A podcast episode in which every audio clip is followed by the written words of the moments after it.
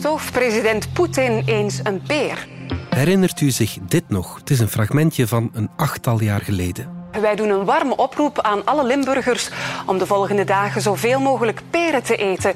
Plots moest iedereen massaal peren eten. Nu Rusland een boycott heeft uitgevaardigd tegen de Limburgse peren. De perenboycott. Dat was een reactie van Rusland op de Europese sancties na de invasie van de Krim in 2014. En die perenboycott was onze eerste aanraking met de sanctieoorlog die we voeren met Rusland. Onze perentelers voelden de impact massaal. Vandaag, ruim acht jaar later, weten we dat de impact van die sancties nog een pak verder kan gaan import ban on coal, shutting down the EU airspace for Russians, to ban all Russian oil, our sixth package of sanctions, sanctions that harshly limit Russia's access to the capital market. The state owned Russia today will no longer be able to spread their lies to justify Putin's war. The tenth package is on its way. This comes at a high cost, but our freedom is priceless. De oorlog in Oekraïne is een jaar bezig. Het is een oorlog die we nooit hadden verwacht, maar tegelijk ook al jaren zagen aankomen. En die oorlog heeft heel wat veranderd voor ons allemaal. In vijf afleveringen kijk ik, Alexander Lippenveld, samen met mijn collega's terug naar het eerste jaar van dit conflict. En we kijken ook vooruit. Dit is DS Vandaag, één jaar oorlog. Met deze aflevering de economische impact.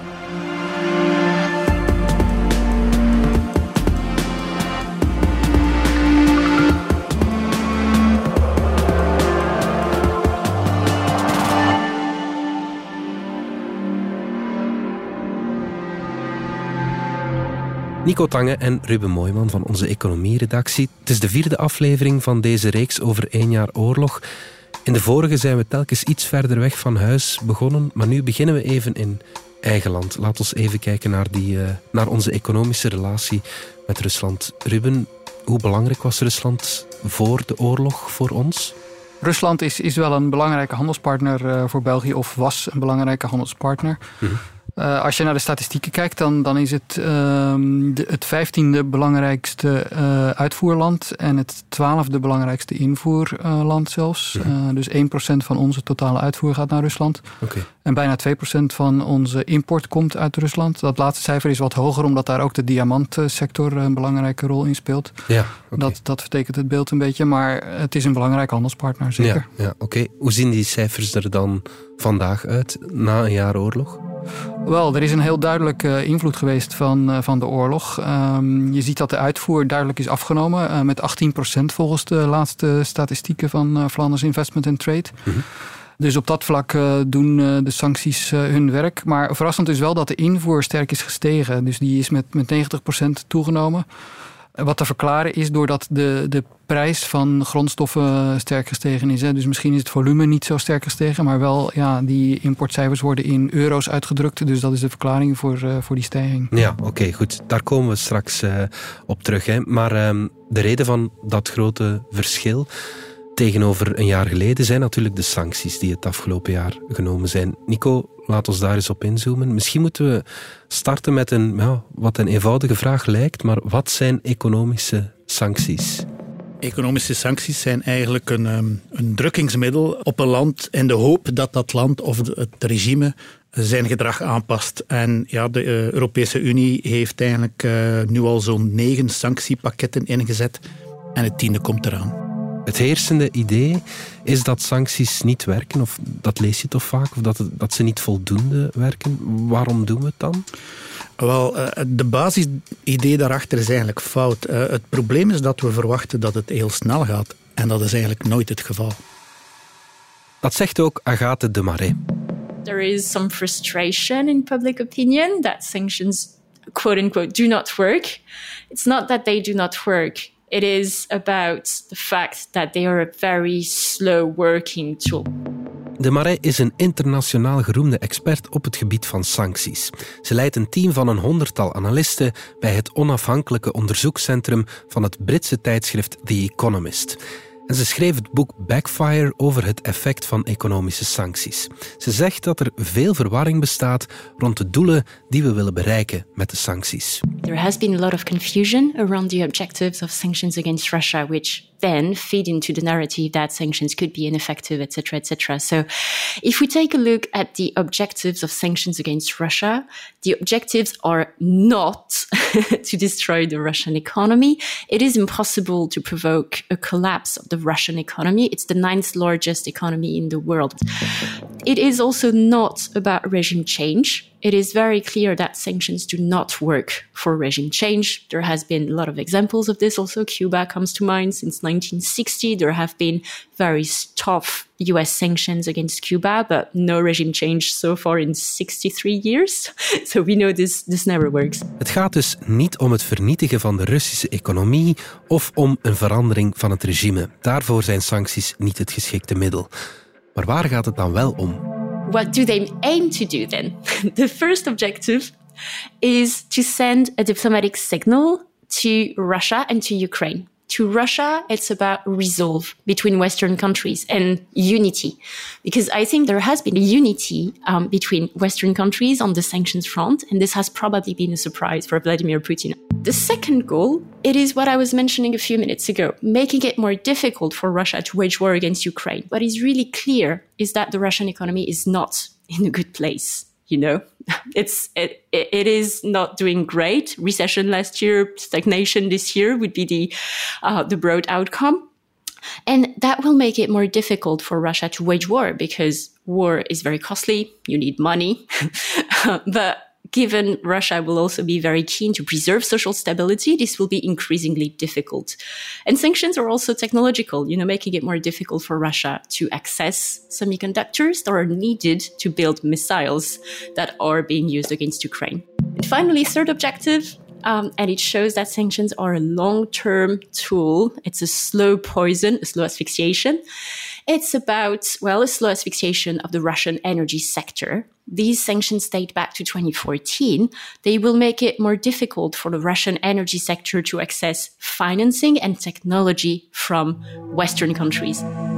Ik vat het nog even samen. Het eerste doel is om een signaal van eenheid te sturen. Het tweede om de economie pijn te doen, zodat het voeren van oorlog onbetaalbaar wordt. En ook om de toegang tot chips te beperken. En tot slot om de Russische energiesector langzaam maar zeker te verstikken. Daarvoor hebben we onder meer een hele reeks Russische banken uitgesloten uit het internationale betalingssysteem SWIFT. We hebben 300 miljard aan buitenlandse tegoeden bevroren, embargo's op grondstoffen ingesteld enzovoort. Nico, terug naar jou dan. Wat is eigenlijk de strategie die je bij sancties moet gebruiken? Want het is altijd een soort van ja, balanceren op een slappe koord, denk ik. Hè? Uh, ja, zeker als er, uh, laten we zeggen, als, als er tussen de, de twee landen uh, een belangrijke economische band is, zoals hier natuurlijk wel het geval is. Mm. Het Westen is voor een deel afhankelijk van Russisch gas. Europa dan vooral natuurlijk. Europa ja. natuurlijk. En ehm, ja, omgekeerd, Rusland is, is zeer afhankelijk van de inkomsten uit de verkoop van energie en, en, en Russisch gas en olie. Mm -hmm. En ehm, ja, dan zit je in een soort Mexican standoff je kent dat beeld wel, de twee criminelen die elkaar onder schot houden. Ja, um, ja en dan is het natuurlijk een probleem in die zin dat je zeer voorzichtig moet zijn en je moet zorgen dat je de sancties geleidelijk aan invoert, zodat je jezelf eigenlijk niet te veel pijn doet. Mm. Uh, vandaar hebben we gezien vorig jaar dat er eigenlijk telkens een klein stapje verder werd gegaan om te zien van oké, okay, we gaan hier proberen mee Rusland pijn te doen. Uh, maar we moeten eerst afwachten hoeveel het ons ook pijn doet, vooraleer dat we de volgende stap kunnen zetten.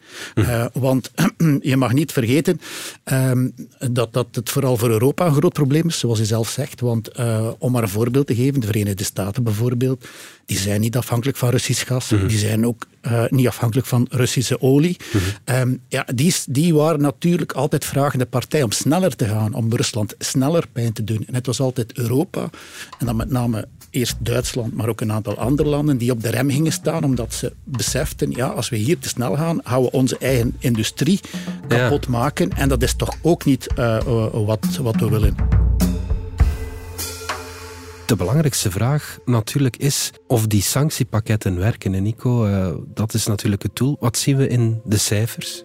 Wel, in de eerste negen maanden uh, was eigenlijk het resultaat eerder te, teleurstellend. We importeerden wel al snel minder gas en olie uit Rusland, maar door de extreem hoge prijzen stroomde er de eerste negen maanden van de oorlog wel veel meer geld naar Rusland dan anders. Het is pas uh, vanaf de maand november dat we die trend eigenlijk uh, zagen keren. En eh, de voornaamste reden daarvan eh, is natuurlijk inderdaad die torenhoge prijzen. Omdat we hals over kop eh, alternatieve leveranciers zochten. En omdat de Europese landen ook voor een deel tegen elkaar opboden. Okay. ja, waren die, die, die, die prijzen op een bepaald moment tien keer hoger dan het jaar voordien. En uh, ja, een, andere reden die, die, die, soms wat onderbelicht is, is dat ook niet alle Europese landen de sancties tegen Rusland even snel toepasten. Uh, sommige landen ja, waren wel heel erg traag en, en je zag zelfs dat, dat naar het einde van het jaar toe in sommige landen de handel met, met Rusland nog, nog is gestegen. Ja, oké. Hoe zat het met de export uh, dan naar Rusland? Ruben haalde al aan dat die voor ons land sterk gedaald was. Was dat in de hele EU zo? Ja, eh, serieus gedaald. Uh, als we kijken naar uh, Hans-Europa, was, er, was er een daling met 39 procent. Met andere woorden, er vloeide meer geld vanuit Europa naar Rusland. Wij kregen minder inkomsten. Hebben we vooral onszelf niet pijn gedaan in die eerste maanden? Jawel, dan komen we eigenlijk terug op uh, wat we daarnet al zeiden. Hè. Er is, is altijd een vertragingseffect op die sancties. En ja, de, de rus op Russisch gas is nu voorbij. De, de prijzen dalen. Er stroomt dus nu een, een pak minder geld uh, naar, uh, naar Rusland. En, en ja, dat zal natuurlijk ook op, op, op termijn de, de Russische economie pijn gaan doen. Hè. Mm. Wat merken de Russen nu zelf van de sancties? Al veel minder dan uh, oorspronkelijk verwacht. Hè, want uh, de Russische economie sloot uh, vorig jaar af in een veel betere staat dan velen hadden verwacht. Het IMF bijvoorbeeld had in april, net na de inval van Rusland in Oekraïne, een, een krimp van de Russische economie verwacht met 8,5 procent. sommige denktanken in, in, de Verenigde Staten waren nog veel, op, nog veel meer optimistisch. Zij voorspelden een, een, krimp met zelfs 15 procent. Okay. Maar dat is natuurlijk niet gebeurd. Hè. Uh, er was een krimp van, van amper 2 procent. Okay. En uh, de reden daarvoor is dat, dat Rusland goed voorbereid was. Hè. Uh, ze hadden al een Fort Rusland-strategie uitgebouwd als de reactie op de beperkte westerse sancties die er kwamen nadat Rusland in 2014 al de Krim annexeerde. -huh. um, sindsdien eigenlijk heeft het Kremlin jarenlang stiekem een oorlogskas opgebouwd en, en nam het volop maatregelen om financieel minder afhankelijk te zijn van het Westen. Met resultaat. En ja, ook de reactie op uh, de start van de oorlog uh, in Moskou uh, was, was heel adequaat. Ze hebben een slim en flexibel crisisbeleid uitgebouwd. Okay. was naar het einde van het jaar toe. Dan zag je dat de inkomsten uit de verkoop van, van, van gas en olie fors beginnen, begonnen te dalen. En ehm, je zag dan ook al stilaan een aantal andere knipperlichten in Rusland. Bijvoorbeeld de consumptie die begon te sputteren. Um, ook de krapte op de arbeidsmarkt laat zich steeds meer voelen. Ja. Uh, en tenslotte zien we ook nog dat, ja, dat de winsten en de investeringen van de Russische bedrijven ook stilaan uh, uh, beginnen te dalen. Maar ja, nogmaals, um, we moeten daar altijd bij zeggen dat er geduld zal nodig zijn. Er is echter nog heel veel onduidelijkheid over de duik die het BBP van Rusland vorig jaar nam. Volgens het IMF werd die eerst geschat op een daling van 2%, maar officiële Russische cijfers die normaal in januari werden verwacht, die zijn er nog steeds niet. Agathe de Marais die schat het net iets anders in. Volgens veel economen is de krimp eerder 4 Russia's GDP, that is to say the size of the economic pie, the size of the Russian economy, had dropped by 4% compared to one year earlier. So based on these data, it is clear that the Russian economy is not in good shape. And actually, we hear a lot of propaganda from the Kremlin saying, oh no, everything is going very, very well. But I think that if everything was going very, very well, the Kremlin wouldn't spend that much time saying everything is okay. Nu hoor ik u al denken, 4%, is dat dan zoveel voor alle sancties die we genomen hebben? Wel, die vraag die stelde ik ook aan Agathe de Marais. We're talking about dozens of uh, billions of dollars lost. What happened during the COVID pandemic? In 2020, when everything was going very wrong on the COVID front, the Russian economy contracted by 2%. So 4% is twice larger So that's significant. And well, you know, things were really not going well for the global economy in 2020. En ook de vooruitzichten voor dit jaar die zijn heel slecht. Usually when an economy is in a recession, as happened in 2022 for Russia, the following year it rebounds automatically because you know it fell and so anything better will show some growth. But the size of the economic pie is still smaller than before the war. Russia's GDP will still, at the end of this year, 2023, be smaller than before the war, and it will take many years, um, possibly six or seven years, before Russia's economy gets back to its pre-war size. So, not a great picture. De echte pijn voor Rusland is pas voor later. Maar zeker is wel hoe langer dat die oorlog duurt, hoe meer bedrijven in de problemen zullen komen door het westerse exportverbod op hoogwaardige technologie. Zoals halfgeleiders en onderdelen voor Russische olie- en, en, gasindustrie. Ja, dat gaat meer en meer pijn doen en zal er toch voor zorgen dat op termijn ja, Moskou toch naar alternatieve inkomsten zal moeten gaan zoeken. Ja, oké. En is het bedrijfsleven in Rusland, is dat nog niet helemaal dood? Als je, ja, je zegt het, die brain drain is dat niet helemaal stilgevallen? Wel, uh, in tegendeel, het bedrijfsleven in Rusland is verre van dood. Uh, er zijn natuurlijk wel een aantal westerse bedrijven weggetrokken, maar, maar die activiteiten zijn vaak overgenomen door loka lokale spelers. McDonald's is daar een mooi voorbeeld van natuurlijk. Ja. Uh, ook, uh, ook veel oligarchen. Hè. Een, een, aantal banken die zijn weggetrokken uit Rusland zijn overgenomen door oligarchen. En ja, je ziet dus, wat ik al zei, dat de Russische economie daardoor vorig jaar met amper 2% is gekrompen, wat gezien de omstandigheden weinig is. En als je kijkt zelfs naar de productie, in, uh, de industriële productie in Rusland, die is zelfs bijna niet gekrompen. Er is een kleine krimp van min 0,2 procent. Ja. En, en de verklaring daarvoor is niet ver te zoeken. Poetin en het Kremlin bestellen namelijk allemaal meer wapens en legermaterieel bij, bij Russische bedrijven. En, en ze kunnen dat doen natuurlijk door die recordinkomsten uit olie en gas. En je ziet dan ook dat in bepaalde sectoren uh, de productie enorm is gestegen. Bijvoorbeeld de metaalindustrie, uh, die bijvoorbeeld, ik zeg maar iets, landmijnen en raketten en tanks en, en bommen moeten uh, produceren. Ja, die zagen hun orders enorm toenemen. Maar aan de andere kant zie je dan ook wel bijvoorbeeld dat de auto-industrie in, in, in, in Rusland wel forse klappen kreeg. Die is meer, meer dan gehalveerd. Mm. Um, en een mooi voorbeeld daarvan is de overname door uh, uh, Russische investeerders van de Renault-fabriek uh, in, in Rusland, waar dat er nu een, een, een oud model, Moskovich-model, wordt geproduceerd. Ja, dat eigenlijk qua veiligheidsnormen en, en, en qua kwaliteitsnormen eigenlijk Rusland terug katapulteert naar de jaren 80. Want bijvoorbeeld, okay. er zit geen airbag in, in die auto, okay. want ze hebben daar de technologische middelen niet meer voor. En hoe is het eigenlijk met de Oekraïnse economie gesteld? Want dat is natuurlijk ook een uh, belangrijk deel van het verhaal. Ja, absoluut. Hè. Die heeft eigenlijk nog een veel grotere klap gekregen dan de Russische.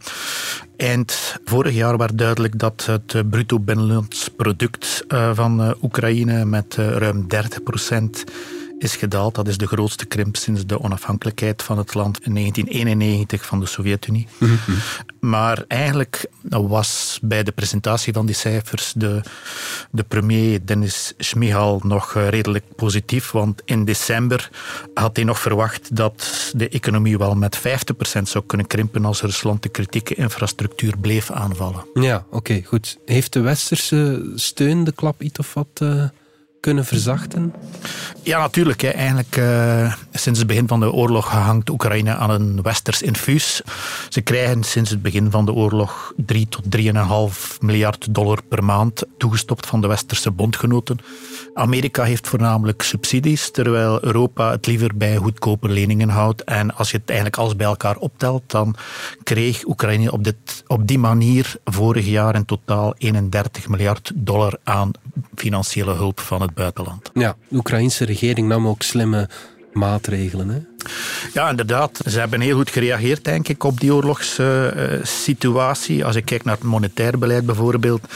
toen de oorlog begon, verloren 5 miljoen mensen hun job en steeg het begrotingstekort met 5 miljard per maand. Dat was natuurlijk dramatisch.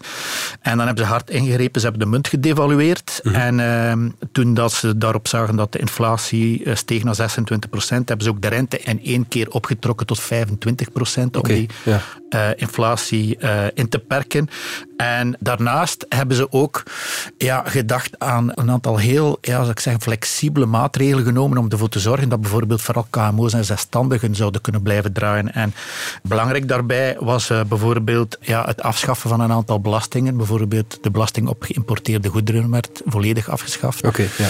En eigenlijk ook uh, de BTW op uh, diesel en benzine werd verlaagd, denk ik, van 18 naar 7 procent.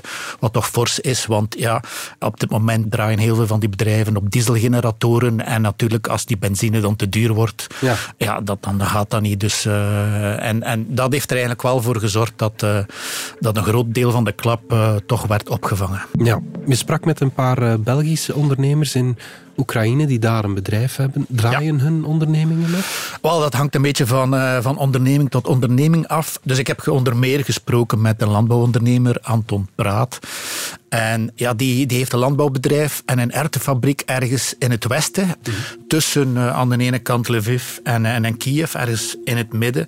Die heeft eigenlijk al bij al zijn bedrijf nog goed kunnen laten doordraaien. Hij heeft mm enkel een paar uh, landbouwers gemist, omdat die eigenlijk vrijwillig naar de oorlog zijn okay. zijn getrokken. Want eigenlijk de landbouw en de IT-sector, dat is wel belangrijk om te weten, alle werknemers daarvan zijn vrijgesteld van dienstplicht in uh, Oekraïne. Omdat dat eigenlijk de twee sectoren zijn die het meeste buitenlandse valuta naar Oekraïne kunnen halen. En ze, om, om de economie te ondersteunen. Ja.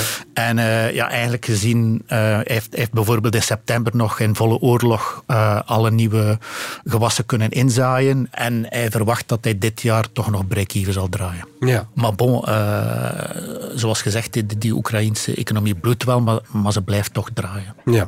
De Russen viseren volop uh, elektriciteitscentrales en andere ja, belangrijke infrastructuur. Is dat niet nefast voor het bedrijfsleven? Ja, inderdaad. Toen, uh, denk het is in november dat er eigenlijk een, een nieuwe stroom van uh, Russische raketaanvallen is geweest die eigenlijk vooral die elektriciteitscentrales, maar ook watercentrales uh, viseerde.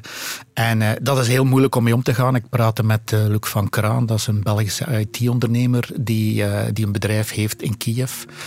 Die zei ook, ja, als je kijkt, eigenlijk per dag is er maar vier uur gegarandeerde elektriciteit. Okay. Uh, elke dag krijgt elk bedrijf ook een papier met de uren waarop dat ze kunnen zeker zijn dat er elektriciteit komt die dag. En andere uren dat het onzeker is of dat het zeker is dat er helemaal geen komt. Maar ze hebben zich daar goed aan aangepast. Ze hebben uh, dieselgeneratoren gekregen, want op dit moment hebben de, de westerse bondgenoten uh, van Oekraïne in totaal al 350.000 dieselgeneratoren naar Oekraïne gebracht. Er zijn er nog 150.000 die besteld zijn en die later nog gaan komen.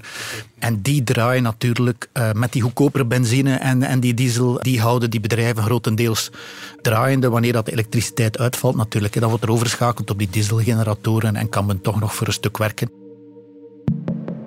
Ruben, wij merken het hier ook natuurlijk. Hè. Bij ons uh, in België, in Europa, de inflatie ligt op een niveau dat we al decennia lang niet meer uh, zagen. Kan je nog eens kort uitleggen wat de belangrijkste aanjagers van die inflatie uh, waren? Ja, inderdaad. De inflatie uh, is het belangrijkste effect geweest van de, van de oorlog. In, in het najaar steeg de inflatie zelfs tot boven de 12% in België. Mm -hmm. Dat is ongezien.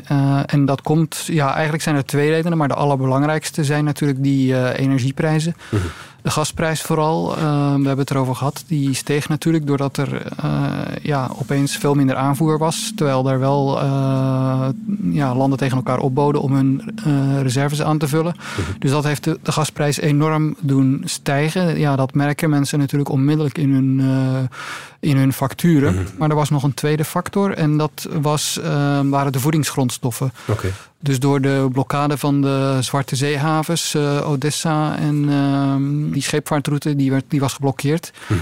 Waardoor uh, er geen graan uit Rusland en Oekraïne uh, naar de rest van de wereld kon worden getransporteerd. Mhm. En dat heeft ook voor een, een, grote stijging van de graanprijs gezorgd. En dat weerspiegelt zich dan weer in brood, pasta, noem maar op, allerlei voedingsproducten. Ja, ja, ja. oké, goed. Um, laat ons even inzoomen op die energieprijzen. Hè. Die lijken nu naar een normaal niveau te zakken, of toch een normaler niveau, nog altijd hoger dan vroeger. Maar bon, in augustus waren er enorme prijspieken. Hè.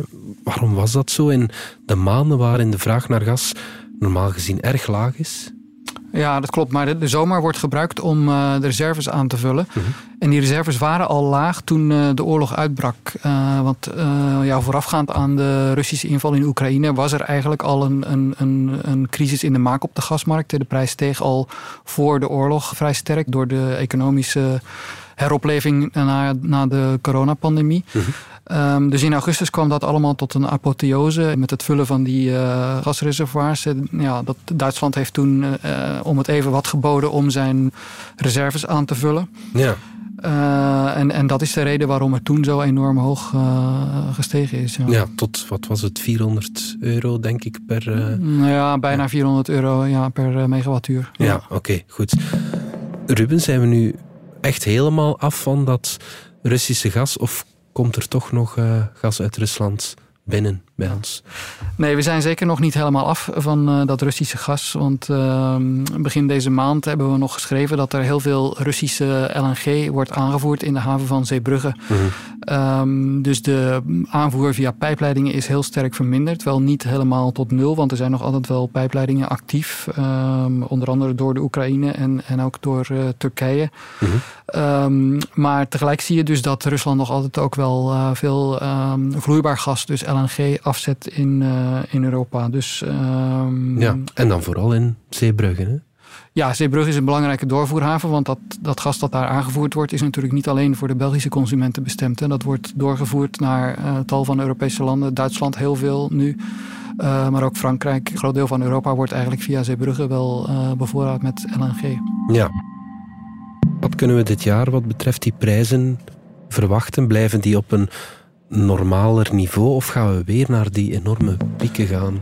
Ja, dat is moeilijk te zeggen. Ik verwacht niet dat we weer naar die enorme pieken zullen gaan. Omdat ja, de, de, de, de crisissituatie uh, van toen zich waarschijnlijk niet meer zal herhalen. We zijn nu uh, meer gediversifieerd qua bevoorradingslanden. Maar ja, je moet ook niet vergeten, de gasprijs blijft altijd nog wel een stuk hoger dan, uh, dan dat die uh, ja, twee jaar geleden was. Ehm, dus in die zin ja, is er nog altijd wel een soort energiecrisis gaande. Ja, oké. Dit jaar zal wel um, een stuk moeilijker zijn om het gasprobleem op te vangen dan, dan vorig jaar, om, om, om twee redenen.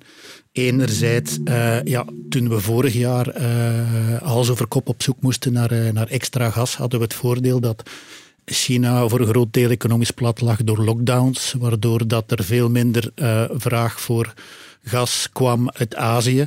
Mhm. en dat zorgde ervoor natuurlijk dat we een flink stuk van de beschikbare alternatieven uh, konden naar, naar Europa halen. Ja, dus dat is al één probleem. En het tweede probleem is eigenlijk, ja, de, de gaskraan uh, is door Poetin en Rusland eigenlijk vorig jaar slechts heel geleidelijk aan dichtgedraaid. Bijvoorbeeld voor de oorlog starten was er nog 100% import van Russisch gas door die pijpleidingen. Uh, het internationale energieagentschap heeft met dat in het achterhoofd dan ook berekend dat Europa dit jaar 30% meer gas gaat moeten importeren dan vorig jaar uh, van alternatieve leveranciers. Maar, maar ja, hoe, hoe, het exact zal gaan evolueren, weet natuurlijk niemand. Ja, oké. Ruben, je zei het al, de voedselprijzen uh, die gingen ook de hoogte in. Uh, moeten we ons daar niet meer zorgen over maken dan om die, die vlottende olie- en gasprijzen? Ja, in zekere zin wel, want je ziet dat voedingsinflatie nu eigenlijk belangrijker is uh, dan energieinflatie. De energieprijzen zijn uh, redelijk teruggevallen, dus jaar op jaar is daar eigenlijk uh, geen grote stijging meer. Terwijl de voedingsprijzen wel gewoon blijven doorstijgen. Dat, dat komt natuurlijk doordat ja, veel factoren werken met vertraging door. Ik had het al uh, daarnet over die uh, graanprijzen die gestegen zijn. Um, maar ja, in veel uh, voedingsmiddelen zit natuurlijk ook een component energie. Hè. Mm-hmm. een, een, bakker gebruikt graan om zijn brood te bakken, maar gebruikt ook gas om die oven aan te drijven. Dus dat zijn allemaal kosten die in het eindproduct uh, verwerkt uh, worden. Uh, plus je hebt ook ja, wat men tweede ronde effecten noemt. Hè. Dus omdat de prijzen stijgen, stijgen ook de lonen. En omdat de lonen stijgen, ja, moeten de prijzen opnieuw stijgen. Want die lonen moeten ook weer betaald worden. Dus zo zie je dat er een hele spiraalopgang komt van prijsverhogingen. En, en dat op, op, de, op de voedingsmarkt is dat nog altijd wel, wel bezig. Ja, ja, ja, ja oké, goed. Um, veel bedrijven bij ons lagen een tijdje stil omdat de productiekosten te hoog waren. Hè. Zien we nu nog bedrijven die stil liggen of, of erger, bedrijven die hun productie uh, verhuizen? Wel, dat stilliggen van bedrijven inderdaad, uh, dat deed zich voor op bepaalde gebieden. Uh, dat probleem is nu wel uh, wat verminderd. Maar ehm, ja, dat betekent niet dat het gevaar geweken is. Hè, want veel bedrijven zeggen nu, ja, die gasprijzen gaan nooit meer terugkeren naar het oorspronkelijke niveau. Dus Europa heeft wel een structureel probleem op energievlak. Want in Azië en de Verenigde Staten zijn die gasprijzen gewoon veel lager. Um, en, en dat is waar veel mensen in Europa zich nu zorgen over maken. Dat op langere termijn industrie um, er eerder voor zal kiezen om uh, buiten Europa te investeren dan in Europa. Dus op die manier kan de industriële basis wel uh, afkalven. Dat, dat is wel een, uh, een gevaar dat, dat onderkend wordt. We verwachten lange tijd dat dit ons heel erg pijn ging doen. Het doet ons natuurlijk wel pijn, maar dat we naar een recessie zouden gaan, dat lijkt nu wel afgewend. Hè? Hoe, komt dat? Zijn we veel weerbaarder dan we, dan we dachten? Blijkbaar toch iets weerbaarder, ja. Nu, het verschil tussen een recessie en geen recessie is ook maar heel klein. Hè? Dus uh, het, heeft er maar, het heeft maar heel weinig geschild of we zaten wel in een recessie. In het vierde kwartaal was de groei in België maar 0,1 procent. Ja, als het min 0,1% was, uh, dan uh, was een recessie wel reëel geweest. We keren nog even terug naar Agathe de Marais van The Economist. De sancties die tegen Rusland genomen zijn, die hebben we nog nooit eerder gezien, zegt ze. Actually, I would say the Russia sanctions programs are completely different from any sanctions program ever imposed. Russia is a far larger economy, ninth largest in the world. So definitely it's, it's really not the same um, as Cuba or North Korea or Sudan or Syria. And Russia is also a big market, 140 million consumers who are not going to stop consuming from one day to another. So that also means that this boosts Russia's resilience.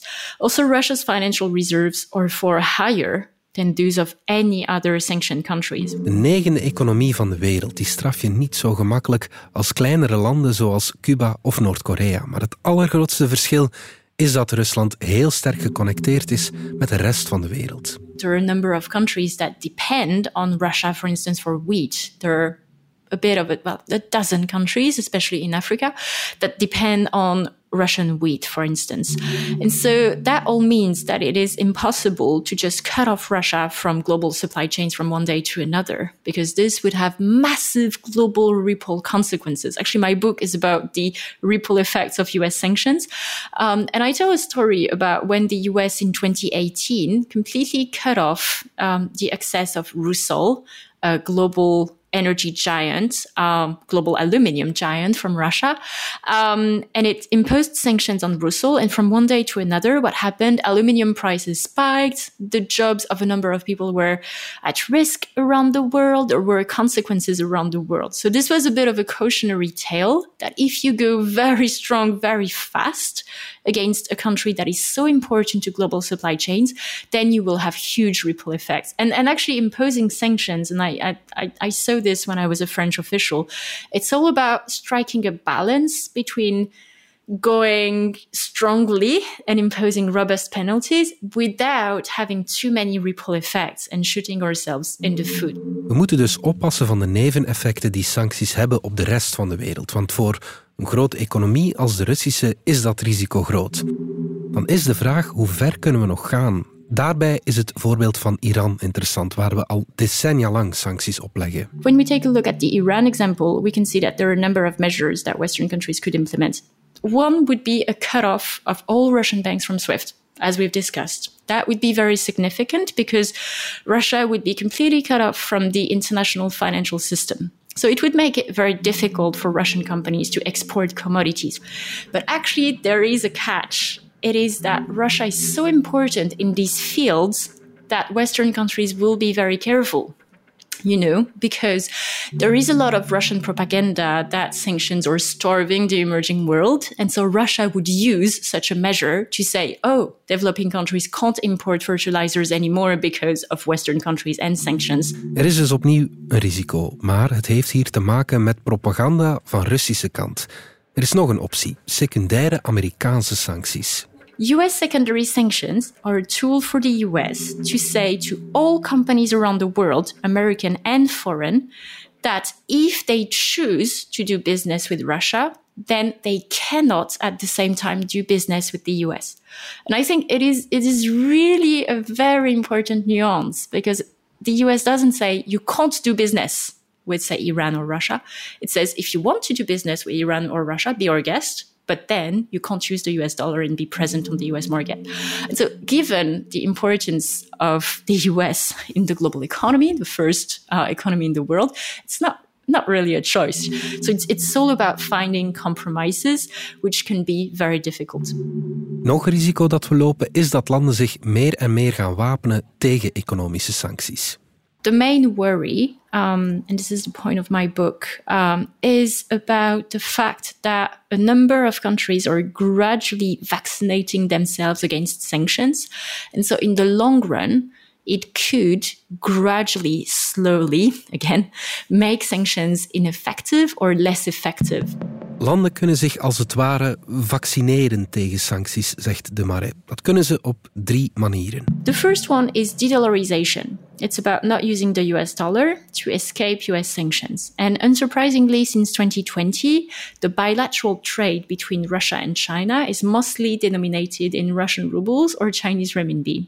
The second step is alternatives to SWIFT. And here I think that China leads the way because China actually has built an alternative system to SWIFT called SIPS. It is much smaller than SWIFT. It is, it is really far smaller, but it is operational. And if China or Russia were to be cut off from SWIFT completely, they could switch to this plan B. The third tool is central bank digital currencies. And again, China leads the way. More than 300 million Chinese people already use uh, digital renminbi that is stored on their mobile phones. They pay their purchases with it. It's, it's you know, a digital currency. And if Western countries were to want to impose sanctions on this currency, they couldn't do it. When taken together, everything added together, they could make sanctions less effective because targeted countries would have alternatives. Nico Ruben, nog even terug naar jullie. Waar zal dit eindigen? Hoe ver zullen we nog gaan met ons uh, sanctiewapen? Ja, waar het zal eindigen weet uh, niemand natuurlijk. Uh, dat, dat is kristallenbolwerk. Maar ja, ik zelf verwacht dat uh, Rusland toch wel zich economisch zal loskoppelen van de rest van de wereld. En misschien ja, uh, meer met China een, een, een uh, intensieve handelsrelatie zal uitbouwen. Ehm, maar nogmaals, uh, koffiedik kijken. Mm -hmm. Ik denk dat voor de Europese bedrijven um, uh, er toch een heel lange en moeilijke periode aankomt. Omdat um, ja, we, zien al hoe moeilijk het is om uh, Europa af te koppelen van het Russisch gas en, en de Russische olie.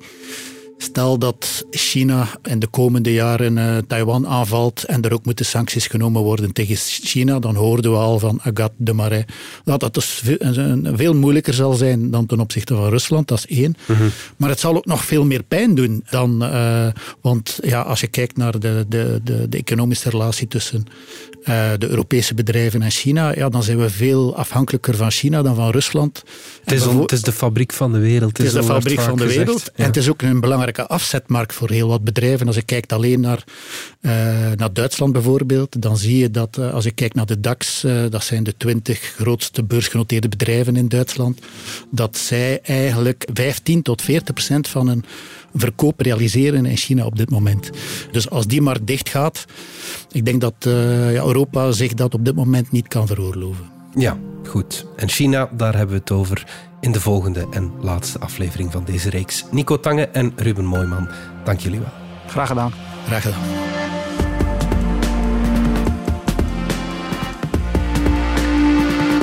Dit was 1 jaar oorlog, een podcastreeks van DS Vandaag, de dagelijkse podcast van de Standaard. Bedankt voor het luisteren.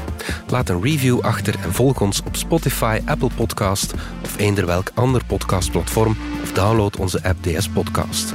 Voor 4 euro per week lees je elke dag meer van onze journalistiek in de app, online en in de krant, met scherpe analyse en duiding bij de actualiteit, maar ook nog meer verhalen achter de feiten en nieuwe inzichten. Alle info vind je via standaard.be-lees. De credits van de podcast die je net hoorde vind je op standaard.be-podcast. Reageren kan via podcast.standaard.be.